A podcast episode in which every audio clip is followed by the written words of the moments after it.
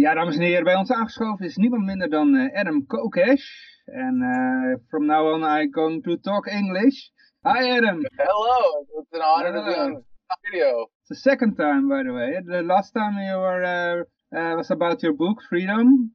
And now it's your presidential campaign, or to be, like you say it, not my presidential campaign.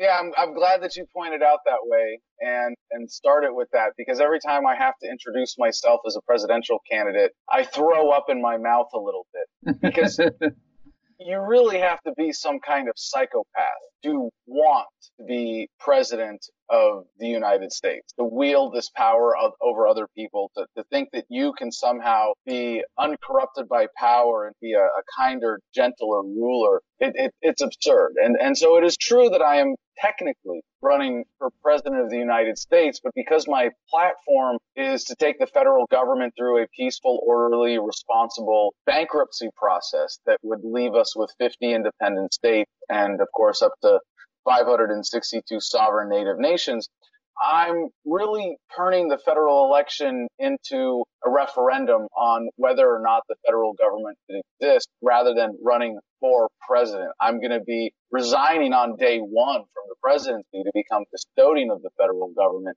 So it's, it, I'm, I'm like playing this disgusting game surrounded by, you know, evil people. And, you know, I, I don't want to put on the ring of power. I just want to throw it directly into the fire. Uh, you said the bankruptcy process. Uh, how uh, does it go in work? Yeah, sure. It's a great question. And for the mechanics of this, basically every single agency uh, it goes through one of three processes. If it's an agency that should not exist, like the IRS, like the, the DEA, these, these federal agencies that steal from people and impose regulations and really don't provide any actual value, those just get dissolved. If it's uh, if it's a, you know, if it can be uh, localized to the states, for example, the Federal Department of Transportation, it gets cut up into 50 pieces and every state gets a piece. Not that complicated. Um, if it's a uh, an agency that should continue, but as an independent thing, it can get spun off. So, like the Department of Veterans Affairs gets spun off as an independent agency. Similarly, Social Security, we're going to be as a bankruptcy process, we're going to be uh, paying back the, the true creditors of the United States federal government. That's the American people. The hmm. debt, the federal debt that we have right now on paper to foreign banks and government corporations, that's not a legitimate debt. And it's not a legitimate debt. Like, I mean, it would be like if, if I borrowed money and then said, well, Johan here, I'm going to, I'm going to, he's in on the loan with me and I'm actually going to make him pay for it but he had no say in it. And, and really what we're doing with government debt is, is, actually a whole scale more evil than that because what we're doing is forcing our children to pay for stuff that they never had a say in. So that goes away. So basically localize, uh, liberate or, or liquidate. And if you want to get into the details, the mechanics of this, we could go agency by agency. And, you know, this is a, it's a very well thought out process. We've gone through all the details. You know, I've been talking about this since 2012 and I, I've been asked a lot of questions and there isn't a single one that it, that, difficult to come up with a good answer for by uh, applying basic principles and looking at this as, as a bankruptcy process where as the custodian of the federal government, I would have all the same fiduciary responsibilities as, as any other bankruptcy agent. That is uh, the next question we ask uh, any uh, libertarian that goes to office. In case you uh, got the majority of the votes, how do you gonna accomplish uh, the orderly dissolution of the federal government without getting shot? well, I'm not really worried about that. Actually, I for, for people who don't know my background, I was in the Marine Corps and I volunteered to go to Fallujah in 2004, and it was a war crime. I, I was a party to a war crime. Uh, I, I tell people when they find this out and say thank you for your service, what do you mean? I was I was serving bankers and politicians and war profiteers. I wasn't serving America. I wasn't serving the American people. I wasn't serving peace or justice or righteousness in any way whatsoever.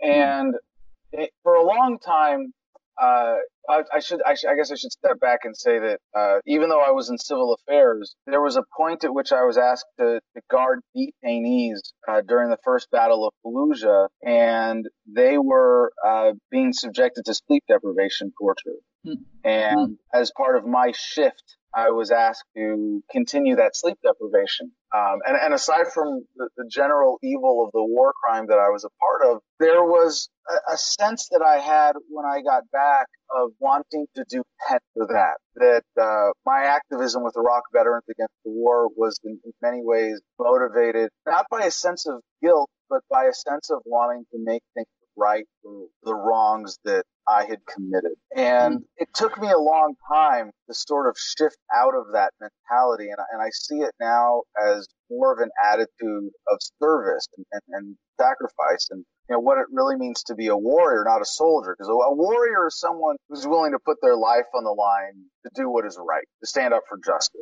A soldier is just someone who follows orders in a government military. And there's really you, you, there's some overlap, and you might be both. There's, there's a real important distinction here. And while I would never join the military today, I really respect that for most people who join, we are very, very badly lied to, misled by propaganda and militarism from a very young age here in the United States. And there's a noble intent. You know, there's a warrior spirit behind the attitude, behind the mentality that most people bring to the United States military, and it's perverted into being mm-hmm. a soldier, to being someone who follows orders, someone who is willing to kill and, and to fight and to die for politicians. And when you realize that that's what it is, and that militarism itself is actually anti-American in terms of what the founders stood for, being opposed to, to anything uh, that they would have called a standing army, then mm-hmm you, you know, you, you, anyway, for, for me, what I've done now is re-embrace that attitude that led me to join the Marines in the first place, which is of, mm-hmm. of service and sacrifice. And it's quite possible that I will be shot running on platform of dissolving federal government. And I have no problem with that. I have put my life on the line for far less worthy causes. But more importantly, in terms of this campaign, when the American people decide that we're not going to put up with the federal government existing at all anymore, no mm-hmm. asshole in a suit, Washington, D.C., no Supreme Court justice, no member of Congress, no bureaucrat is going to stand in our way. Mm-hmm. And that effort is, does not require a figurehead, does not require a leader. Hmm. In, in, in, the sense that, yes, you need someone to sign the papers and make the actual reorganization happen. Yeah, you need someone to function as the bankruptcy agent. But if the American people decide that this is what we're doing, I'm not really an essential part of this process at all. Me personally, they could shoot me you can kill a revolutionary, but you can't kill the revolution. Yeah. It's also very unlikely if it is carried so widely by people that they they would try to shoot uh, someone residing over this bankruptcy because then they know that it's a lost cause anyway. That uh, I think they yeah they would only shoot someone if they think it would tip the balance. Right, and and if they if they shoot me, it, it just means that more people are going to read my book, which is wonderful. yeah, yeah, yeah, yeah, Dead authors do way better than living authors. Just saying. Adam, but I also heard that uh, from Fallujah that it was a yeah it was not really a battle, wasn't it? It was just artillery with artillery taken out the the, the city, or was it yeah, really a battle? You know what? I, normally I'm a stickler for language, and no one has ever challenged me on that. But I'm glad you did because you're right. To look at the history of what happened in Fallujah in in Iraq in 2004, we say there were two battles. There was the first battle of Fallujah and the second battle of Fallujah. But if, if you if you just go, well, what were they? You realize neither of them was really a battle. The first one was a siege and we had the city under siege. We, you're right. We sent in a lot of artillery fire, a lot of indirect airstrikes, stuff like that. And the second battle was the sweep through the city. And I mean, you could call it a battle. Uh, certainly uh, a lot of Marines died. I think it was about 60 Marines died in the second battle of Fallujah. Uh, in the first battle, and it's kind of hard to say when exactly it started and ended. Um, it, it, was a lot less, I think, uh, closer to a dozen. Uh, but in terms of the number of Iraqis who died, it was insignificant. And you know, in, in terms of the the birth defect and, and, and the ongoing effects uh, with the people of Fallujah due to depleted uranium and white phosphorus rounds that I, I, saw go into the city. The effects on, on the Iraqis there were just so uh, outsized and disproportionate that you're right. It is, it's really unfair to call it a battle. I got also a question from uh, one of our listeners. Uh, this Adrian. Uh, he wants to know, since the LP, the Libertarian Party candidates, don't stand a chance against the two big parties, how will your candidacy contribute to more freedom in the long term? Sure. Well, I, I, completely disagree with the premise that, that we can't compete. Uh, and, and I'm not being unrealistic here. I understand that it would take a black swan kind of event for a libertarian to win in 2020, but black swan events happen more and more frequently.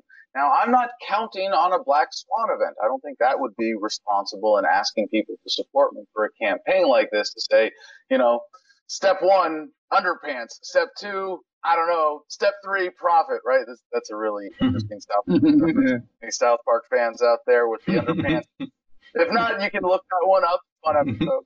Um, yeah. But it would, it would be irresponsible of me to say, you know, oh well, uh, then a miracle happens and then we win, and and and I, that's not part of the strategy. So not only do I know that by campaigning on this platform and with this message and with this understanding of government and ethics uh, and, and, being able to communicate the ideas of libertarianism you know, based on the, the philosophy of self-ownership and the non-aggression principle, that that's going to have a huge positive effect. And, and as Alexis de Tocqueville said in, in Democracy in America in 1831, in, in a democracy, if people will get the government they deserve.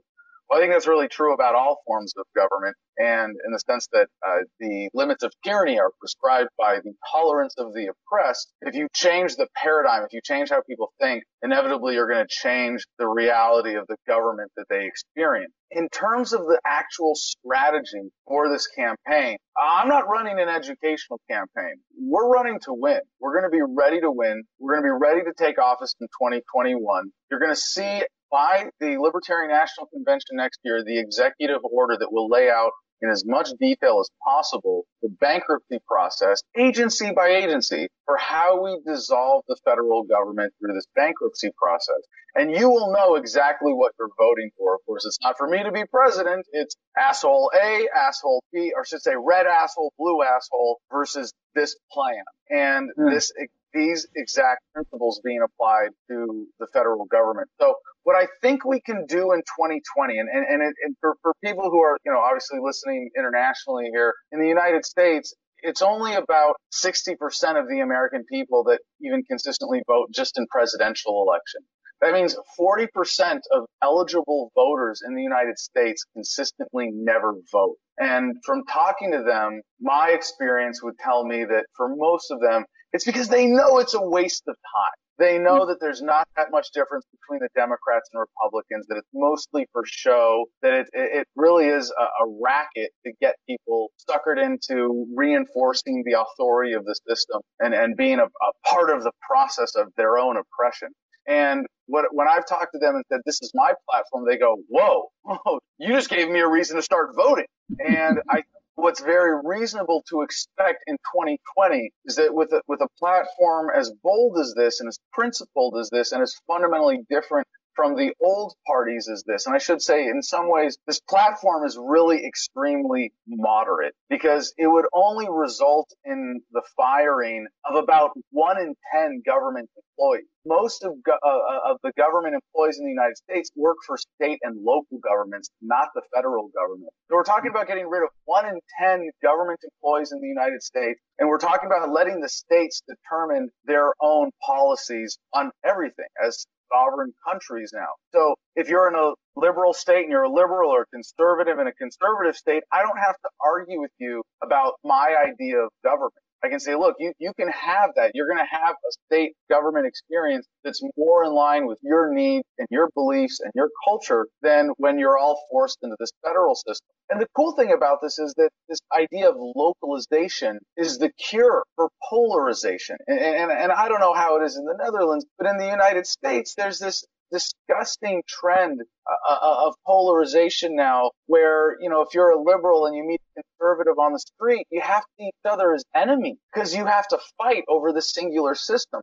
But when government is localized, you can meet each other as friends, as fellow Americans who are united in freedom instead of being united under a single central government and be able to talk to someone and say, well, that's interesting. I disagree, but I really respect your ability and your right to live differently from me, to live that way. And I want you to have that right. And that fundamental shift is so important that I, I think if we can get 10% in 2020, that sets us up to win in 24 or 28. And regardless, I will keep running on this platform as long as I have the support until the federal government of, of, of the United States of America ceases to exist. Yeah. But uh, there's to be a devil's advocate to uh, strategize from the other side. You say, yeah, the federal government, I'm going to dissolve it. And I mean, George W. Bush was also someone who, who was more or less elected on, yeah, I don't even know where foreign countries are. I don't want to get involved in anything. The United States is good enough for me. And then you get a terrorist attack. yeah, and then there's only one option. Uh, then uh, you have to unite behind the federal government because, yeah, with this terrorist, yeah, of course you need the federal government. Uh, it's very hard to to uh, stand strong then and say, uh, yeah, to uh, to uh, head a counter narrative. Yeah. Well, governments have gotten away with false flags and using relatively isolated incidents or small attacks to create large scale wars for centuries. That's just part of the MO, part of the racket that is war. Mm. But I don't think they'll be able to get away with it twice. um, no, well, I know. Very optimistic. well, no, it's not. It's not just optimistic. It, it, it's it's actually very uh, realistic. It would be unrealistically pessimistic to say that we're going to have more large-scale wars. And if, if you read the mainstream news too much, obviously, you know Thomas Jefferson, a person who uh, reads nothing is uninformed, a person who reads newspapers is misinformed. And in, in that sense, if, if, you're in the if it bleeds, it leads kind of media, it, it might be tempting to see the world is getting more and more violent. But I'm sorry, facts don't care about your feelings. And the fact is, we are living in the most peaceful times in human history. And not only that, human violence is historically on the decline. And I, I, don't mean like historically right now or we're in a trend of decline. I mean that this is the course of human progress over history. And I, this isn't my assessment. I'm talking about the work of Professor Steven Pinker at Harvard University, who, who I, I, highly recommend his TED talk on the subject. If you want to go uh, look it up, Steven Pinker. Um, he, he's the author of The Better Angels of Our Nature. The name of his TED talk is Surprising Decline in Violence. And I, I disagree with some of his analyses and conclusions, but it is undeniable from his statistical analysis that he has proven academically irrefutably that we are living in the most peaceful times in human history and that that is part of what follows a, a, a pretty consistent radioactive kind of decay curve over time that, that we are getting less violent over time. And, and i think that is that is really driven by awareness and communications technology and just technology in general as people realize, hey, cooperative relationships, friendly relationships, free trade relationships, respect for each other relationships are always more conducive to human happiness in a win-win situation than win-lose relationships. And we're learning to get along with each other better over time. We're learning to trade better. We're learning to respect each other and understand each other better. And hey, I got to hand it to you guys. This show is a part of that process. And I think we kind of undersell ourselves as independent media to say, no, this is, this is really critical. Independent media as an alternative to the mainstream that is so corrupt, the, the old corporate media that we are really a, a, big part of driving this process. And the technology is great, but it, it means nothing without deliberate, conscientious application. And, and, and, I applaud you guys for being a part of that. Yeah, thanks. If, if I may just interrupt, uh, I, have been listening. Uh, sorry for missing the it's first Yoshi, part. Uh, Yoshi, the Liberland uh, guy. hello, Adam. If if I can ask you one question, uh, do you do you see any event as the turning point in in in getting this message out there that there is a sh shift in, in consciousness in a way and, and, and what would be the turning point? Has it already been? Is it still going to happen in the future? What could it be? That's a really interesting question. I you know, and I don't know if I would really ask it that way because I, I think it's part of a continuous process. It's a general evolution of thought and understanding that is ongoing. And I'm just hoping that we're going to get to a tipping point where that understanding of what government is can be applied to at least the United States federal government and then hopefully governments all over the world end up going through the similar process of localization. But I, I got to point out, guys, this is this is a really exciting interview for me because I, I know. Go ahead. I'm I'm thinking about this one event that I could that that I think would shift a lot of minds, and that would be the arrest of of one of the Clintons. So I don't know if it's too hot for you to talk about such a subject. Oh, I know. But but Lock her up. uh, uh, sh- should sh- should we wait for something like that to happen, or is there something else that we can do besides making our weekly news show, having interviews with guys like you, uh, developing crypto coins, talking about new information structures that can be used? You know, should we just wait for this event, or or should we? I don't know. It's yeah.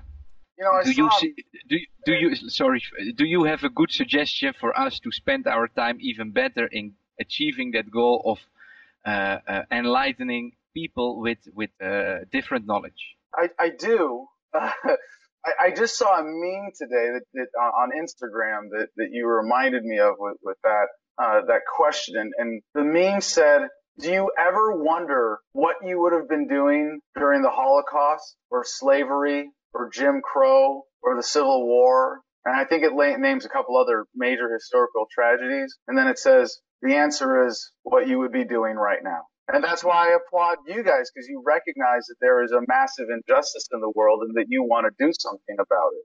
So you mentioned the arrest of Hillary Clinton, and I'm all for it. Lock her up, yeah, absolutely. Uh, but I don't Or the think husband, or the husband can be both. And Trump and Obama. the and worst Bush punishment. and, uh, Lock them up together. exactly. Yeah, you got to lock up Trump. You know, and I mean, you keep going and going and going, and and I don't think that's the answer. Not only that it's it's it's not necessary, you know, and and and I'm generally really committed to the idea of justice as opposed to punishment. And you know, justice for Hillary Clinton would be having all not not locking her up and letting her keep her money. It would be taking all of her ill-gotten gains, if you could say who they could go back to, uh, compensation for all of her victims, and you know, same thing with Bill. Locking them up doesn't really serve justice in that sense. But yeah, in the current paradigm, I no problem. Lock her up, sure. I wouldn't. I wouldn't lose any sleep over seeing Hillary Clinton in jail. But I don't think that would do it in terms of a turning point. I don't think we just that antagonize the other side, and then you get uh, Right. you get more. It- it- yeah. Exactly. And if anything, it reinforces statism. It gets mm-hmm. people to think, yes, government serves justice when nothing could be further from the truth because it's actually the opposite. Government is an unethical, violent institution fundamentally based on violating people's rights. So you say, what is this turning point? And that's what I was going to say. I'm so excited for this interview because even though I've, I've done your show Bankruptcy is always the turning point for all empires. Bankruptcy. Yeah, yes, in a sense, right. You look at the Roman Empire; it was it was a, it was really primarily financial dynamic, clipping of coins that that led to the the you know the death spin of, of, of the Roman Empire. This interview that, that we're doing right now is the first international interview that I have done since we formally announced the campaign last year. Mm-hmm. And I'm I'm not allowed to say very much about it directly because of legal considerations here in the United States. You know, I'm not allowed to ask for don. I'm not allowed to accept donation from foreign nationals. If you're not a U.S. citizen, you are not allowed to donate to my campaign and help us end the federal government that way. But I imagine, I, I, I, I would guess from my experience, again, maybe not so much in the Netherlands, perhaps as in the Middle East, but I would imagine that there are a lot of people outside of the United States Yeah. who would prefer that the federal government did it. Yeah, and how, and how can they support you? Well, like I said, in, in, in a very careful legal sense, and I, I'm, I'm not, you know, I'm not a lawyer, so I'm not trying to, you know, Let me guess. They they can go to your website and uh, find out the the, the, the, the crypto addresses of uh, several coins that they can send to you. Or perhaps Well- do it the old-fashioned way, PayPal? there's so I have my media operation, Adam versus the Man. I have my website for financial support for my activism generally called the Freedom Fund, And uh, I'm sure our responsible show host will include all of the appropriate links here where we have uh, wallets listed for Bitcoin Cash, uh, Bitcoin, uh, Dash, Smart Cash, and of course Dogecoin because you can't leave out the Doge. And we well, of course, you know, freedom of speech, right? You know, we respect, generally speaking, freedom of speech for foreigners in the United States as well. And on the internet, there's really nothing they can do to stop you, as you know. Um, it would, it, I'll put it like this. I would love to see people from outside of the United States tell the American people how the federal government of the United States of America has negatively impacted their life. I would like the American people to really know the costs of war, of hmm. financial manipulation, of the economic bullying that the federal government has engaged in throughout the world, of, of, of of all of the, the, the poverty that has been created in third world countries because of the United States federal government imperial policies. I would love to see that voice be heard. And I think this campaign, because of this platform, gives the rest of the world a unique gateway and, and, and, and an opportunity to tell the American people, yeah, America, please stop doing this federal government thing. This is literally killing us. This is destroying lives all over the world. I mean, you know how bad it is in the United States, but outside of your borders, it gets a lot worse. And, you know, people outside of the United States engaged in the conversation and helping us out that way and raise the awareness to the American people about all of the negative effects. And, and I would hope, you know, one of the things I, I've learned from traveling around the world is that the American people are actually uniquely trusting of government in the mainstream media. It's like as citizens of the empire, we have to be more propagandized than, than anyone else. And in most other countries, people know the difference between the country and the government. People know the difference between the truth and what the mainstream media tells them. And I would love to see that shift in awareness happen in the United States. So I hope, again, that, that my campaign, this platform, can provide an opportunity for people all over the world who understand that we would all be a lot better off without the federal government to make their voices heard in the American political conversation. Uh, Adam, um, about uh, your donation question, um, you know that uh, it's allowed for people to just send you a message, uh, and you can uh, add a message to a, a crypto donation Yes, of course. to the text message, and that's a way to communicate to you and, and back. so Free speech. you're, You don't- you're doing nothing illegal if you're asked to communicate with people f- through Bitcoin Cash, uh, for example. we, we, we don't even have to be that covert about it. If you guys want to just, you can email me directly. It's a lot easier. Adam at thefreedomline.com. it's, And it's about I would love donation.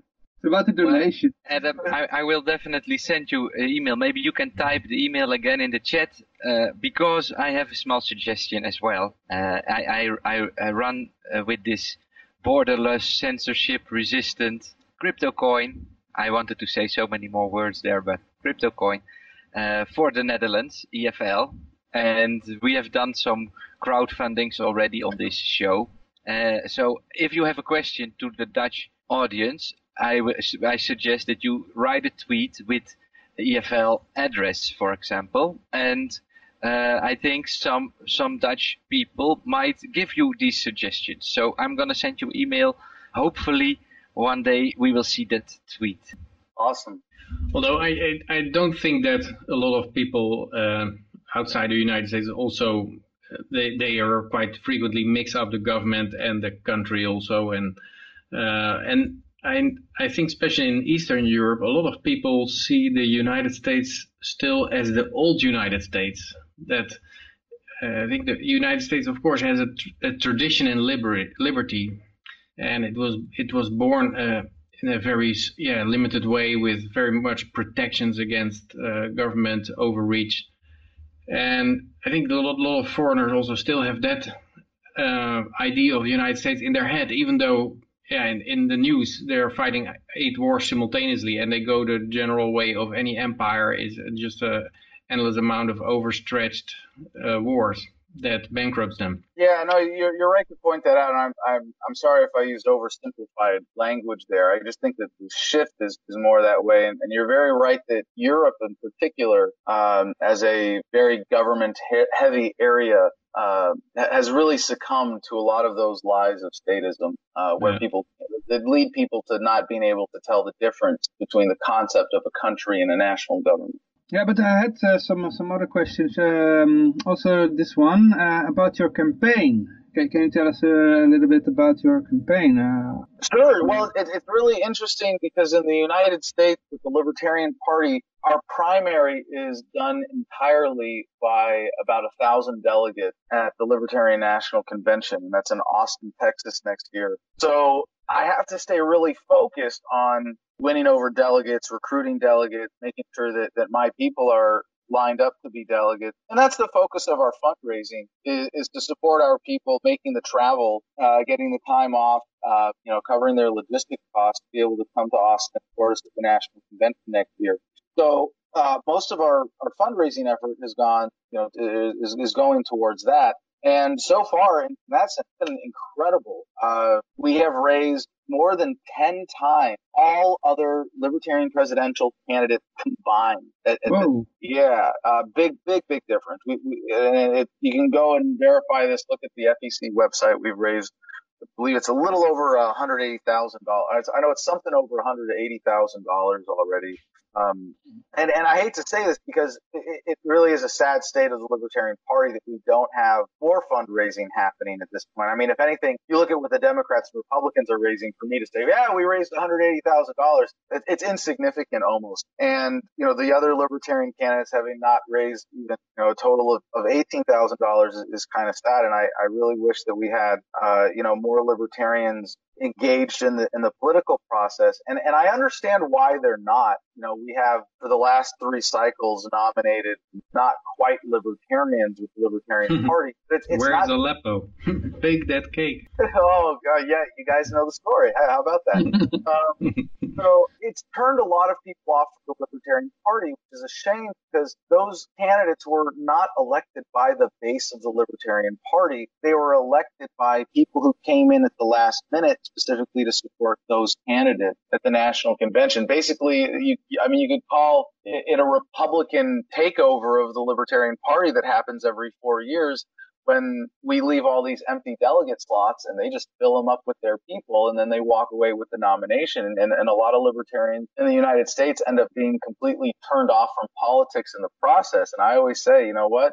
It's cool. You, you don't do you don't do politics. Politics will keep doing you, and uh, it, it, it's time we stand up and fight back. And there are enough enough of us now that, that we can stand together on this. So in, in terms of the the other campaign, you know, it's like we have two campaigns going simultaneously. There's you know the general population outreach, uh, doing interviews, uh, you know, just getting getting the word out through social media everything else that my team is doing in, in incredible work and getting the message out there, reaching the general public.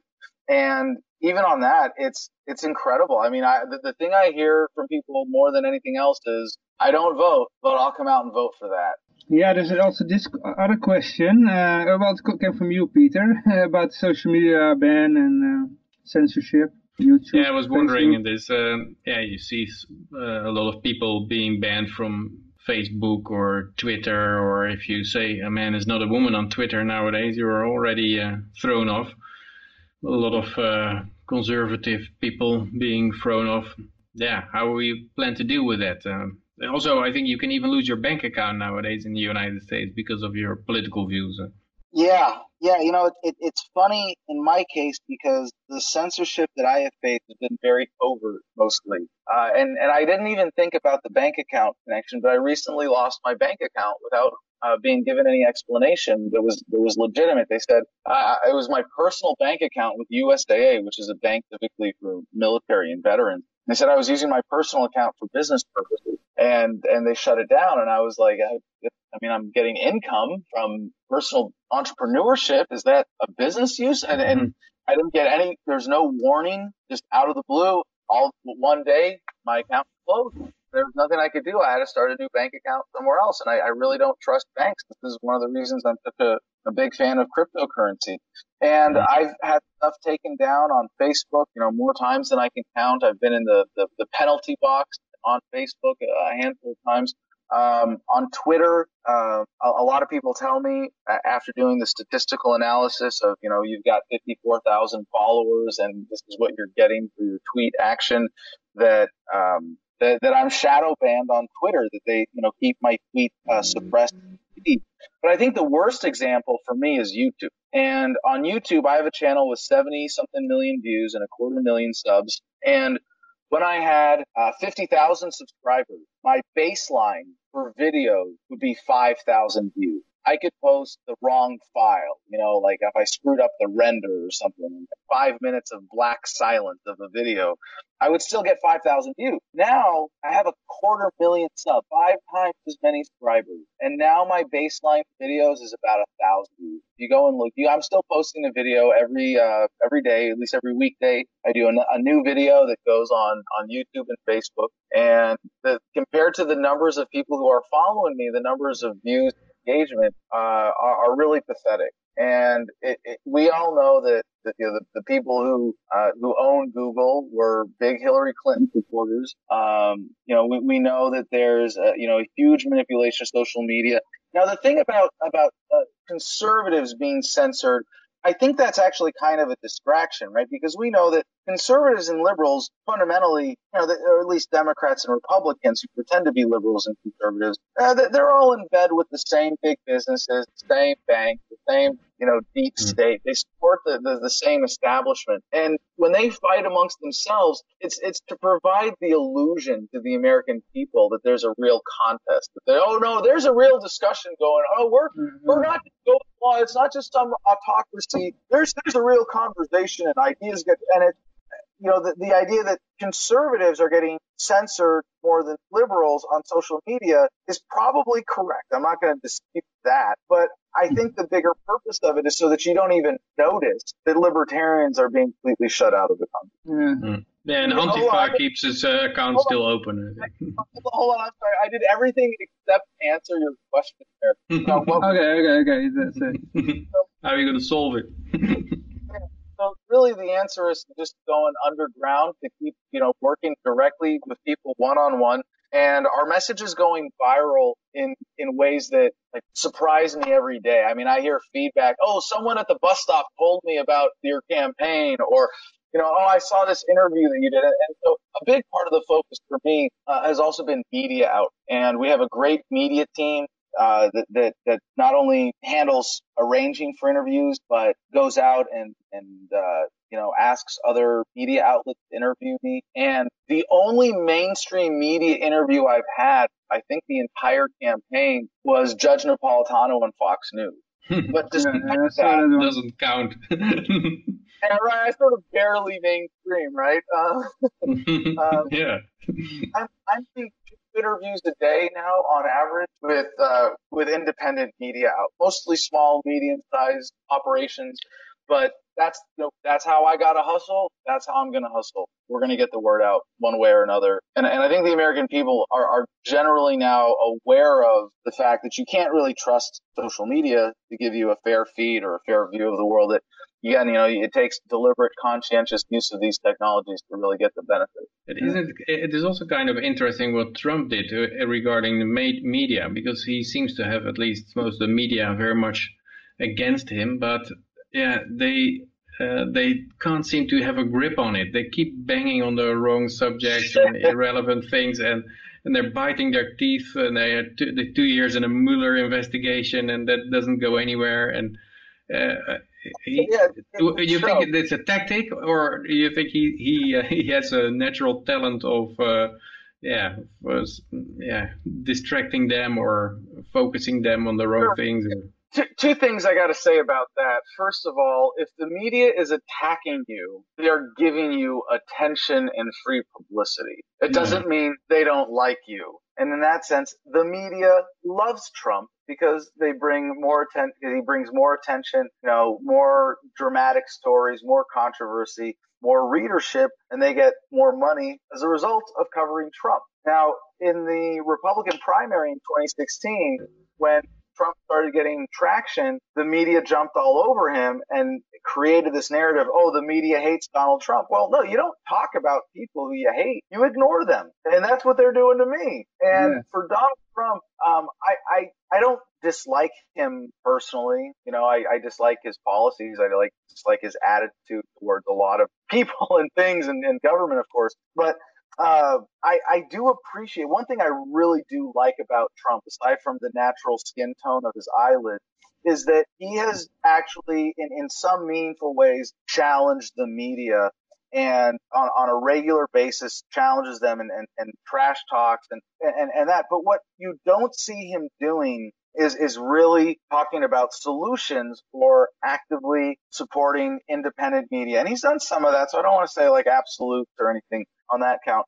But More importantly, Donald Trump made this one of the central issues of his campaign. And I don't want him to be able to take credit for your work, for my work, for the work of Alex Jones, Cenk Uygur, and, and so many other independent media people who have done incredible work over the last 20 years to get America to the point where you can't win the presidency without challenging the media at some so I, don't. And much of this alternative media we're already talking about Epstein, for example, like 15 years ago.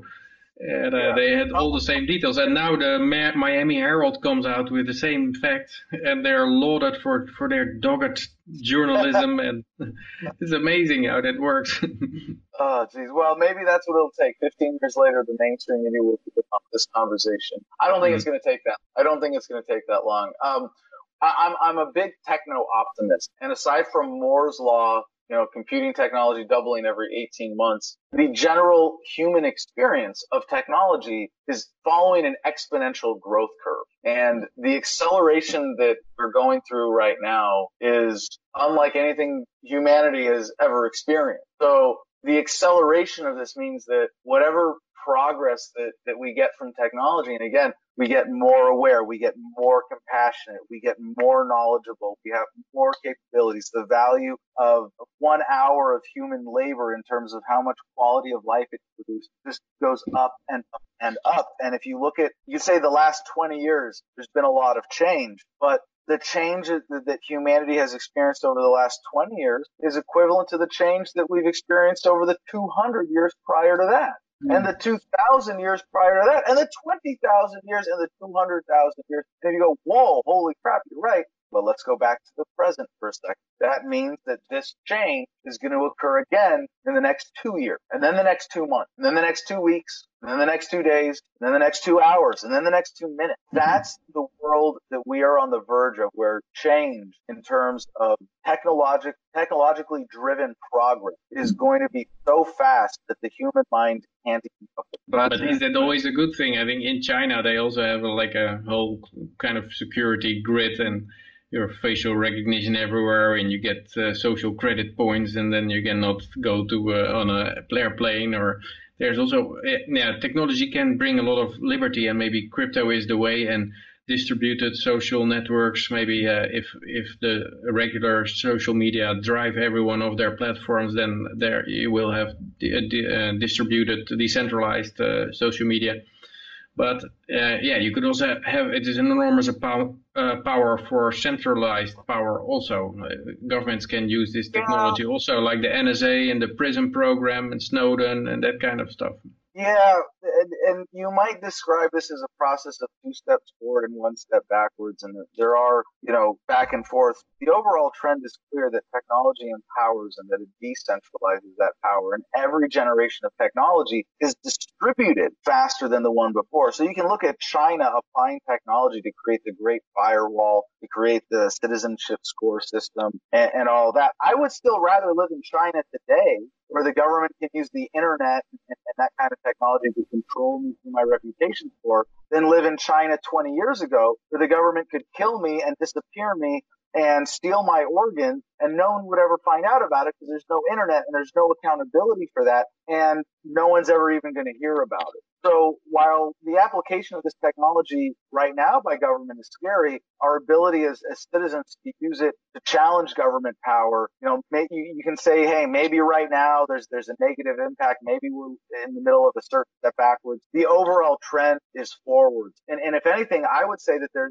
rather than the surveillance technology, uh, because the technology itself is fine, it's really a matter of who controls it. And if there's a like part part of the, the one thing that scares me is is something like the gray goo scenario or, or AI coming about and government still existing and being able to control it. So in a sense, that sort of like gives me more urgency to say we got to get rid of government before we get any more dangerous mm-hmm. technology. Mm-hmm. You know, we've already drone got, robots. Well, I mean, but you know, government already has the uh, you know enough nuclear weapons blow up the, the planet several times over, and, and it hasn't happened yet. So uh, while the technology, in a sense, empowers government as much as it empowers citizens, I think the fundamental nature of technology being a, a decentralizing force of power and an empowering force is far more dominant, and, and that's why it's so essential to this phase of human progress. In that case, Hong Kong uh, demonstrations are interesting also with atrocities. Everyone flips their camera out, and and there's still yes. more cameras with the public yes. than with the with the government. And yes. and the daylight is is disastrous for them. If you show what what how they operate, then then they then they lose. They have to keep in secrecy. That's why I think these wars also they learned from Vietnam War that you have to keep journalists out or have them embedded or something, but don't show any corpses or explosions or uh, uh, keep that away. But that is, that is harder and harder with the proliferation of cameras. Yes, exactly. And and and regardless, you know, I, I say that you know it requires deliberate, conscientious use, and sometimes I, I wonder, even if you know, if, if everybody who cared disappeared, would humanity still progress? And, and, and that's why I look at blockchain technology. I look at you know, cryptocurrency, Bitcoin especially, as a, a, force that's just rendering government obsolete. I mean, you guys know the, the evils of the Federal Reserve System and, and monetary policy and central banks and all of that. But do we need to educate everybody about how evil central mm-hmm. banks or do we just invent Bitcoin with all credit to Satoshi, of course? Do we just create Bitcoin and say, uh, hey guys, do you want money that gains value over time or loses value over time? oh yeah, let's take one that gains value. You don't have to educate people about the political aspect or the, you know, finan- financial aspects of the central bank manipulation. Mm. Yeah, they shrug their shoulders if you uh, start about central banking because they, yeah, it's uh, a lot of zeros and they don't understand or want to understand. They don't see how it's relevant for them. When they see uh, see some financial success from investing in cryptocurrency, then they also want it as well. Yep. But um, in the Libertarian Party, the other nominations, yeah, like John McAfee, Vermin Supreme, uh, Dan Behrman, and uh, some others, they are more like colleagues instead of competitors. You, oh, yeah. How do you go along with them? Uh? Oh, we are running as a team. It's amazing. Uh, pretty much everybody who's running even a halfway serious campaign for the Libertarian Party nomination for president, you know, at least enough to get around to the debates that we've had at state conventions so far. I love all of them. You know, we're we're all friendly, we're all supportive, uh, because we're all activists, and an yeah. activist is who's motivated by a deep-seated sense of injustice, not ego or money or power.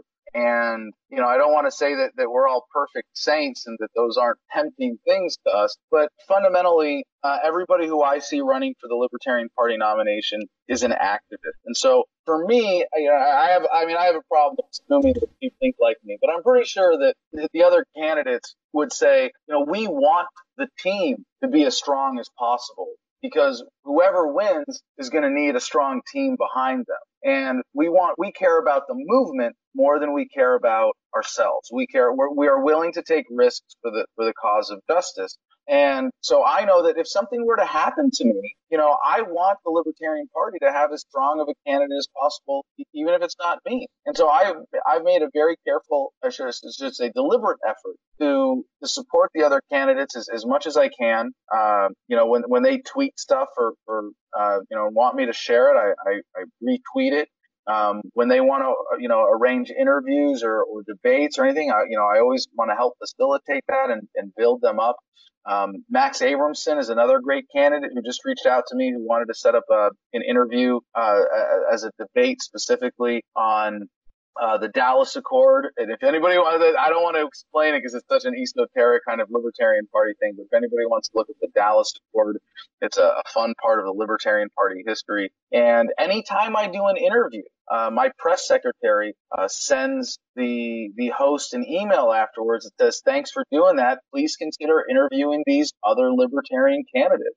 And so mm-hmm. I'm helping get more media exposure as well. And it, it really, it's, I, I didn't, it, this has been one of the most pleasant surprises of, of this campaign is feeling like we're a team and being able to welcome people. You know, Max was the, the most recent one to announce and we're like, yeah, welcome aboard. That's great. Join the team, you know, mm-hmm. and when, uh, you know, we're, we're, I'm, I'm, I'm going to be uh, asking a couple. I, I don't want to name any names just yet, but uh, we're going to be uh, initiating an effort to draft another candidate to join the team. Um, I hope that Justin Amash runs. Um, you know, I, I, I hope that, that we get more strong candidates in the LP, not less, because I'm, I'm not here, uh, I'm not here to win for me. I'm here to win for free. Okay. Yeah. Thank you very much. Um, Joshua Peter, if you have questions. Uh... I, I, I'm just very glad Adam was here. I'm gonna send him an email, and well, uh, best of luck, of course, with the with the candidacy,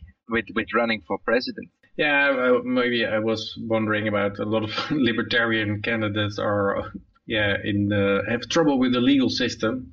And I, I, know you have had some problems in the past, and uh, John McAfee is just out of jail, I think, or just in, in jail. I saw him on a boat with a with a rifle or something. Oh yes, escaped to Cuba. yeah, yeah. I think that's a bit of a misrepresentation. I got, I really got to correct you on this one. I don't have any trouble with. they have with you. I don't have problems with the legal system in the United States. The legal system has problems with me. Mm. That's their problem. And yeah, I, I have the same for Joe McAfee. Yeah. Yeah, and I well, I haven't had to leave the country yet. Um, mm.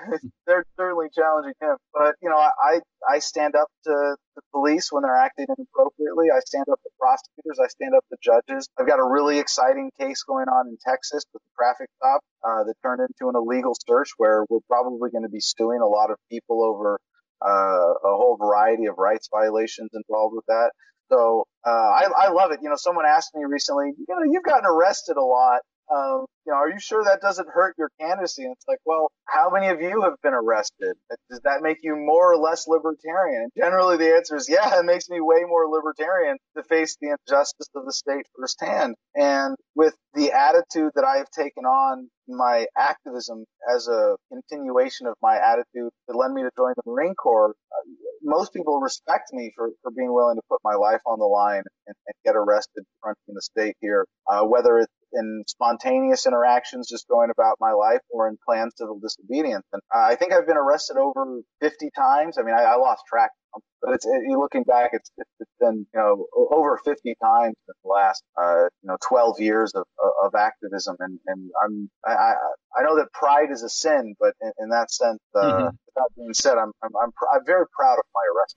Yeah, you just be careful not to step over over a line where you get yeah, really in a serious uh, jail time or something. That because then, yeah, you, you don't win a lot with that either. And usually, I, I would say, but well, we'll see. I, I, am not going to give them any excuses for locking up. Always... Yeah, yeah, exactly. you wrote a beautiful book in jail, huh?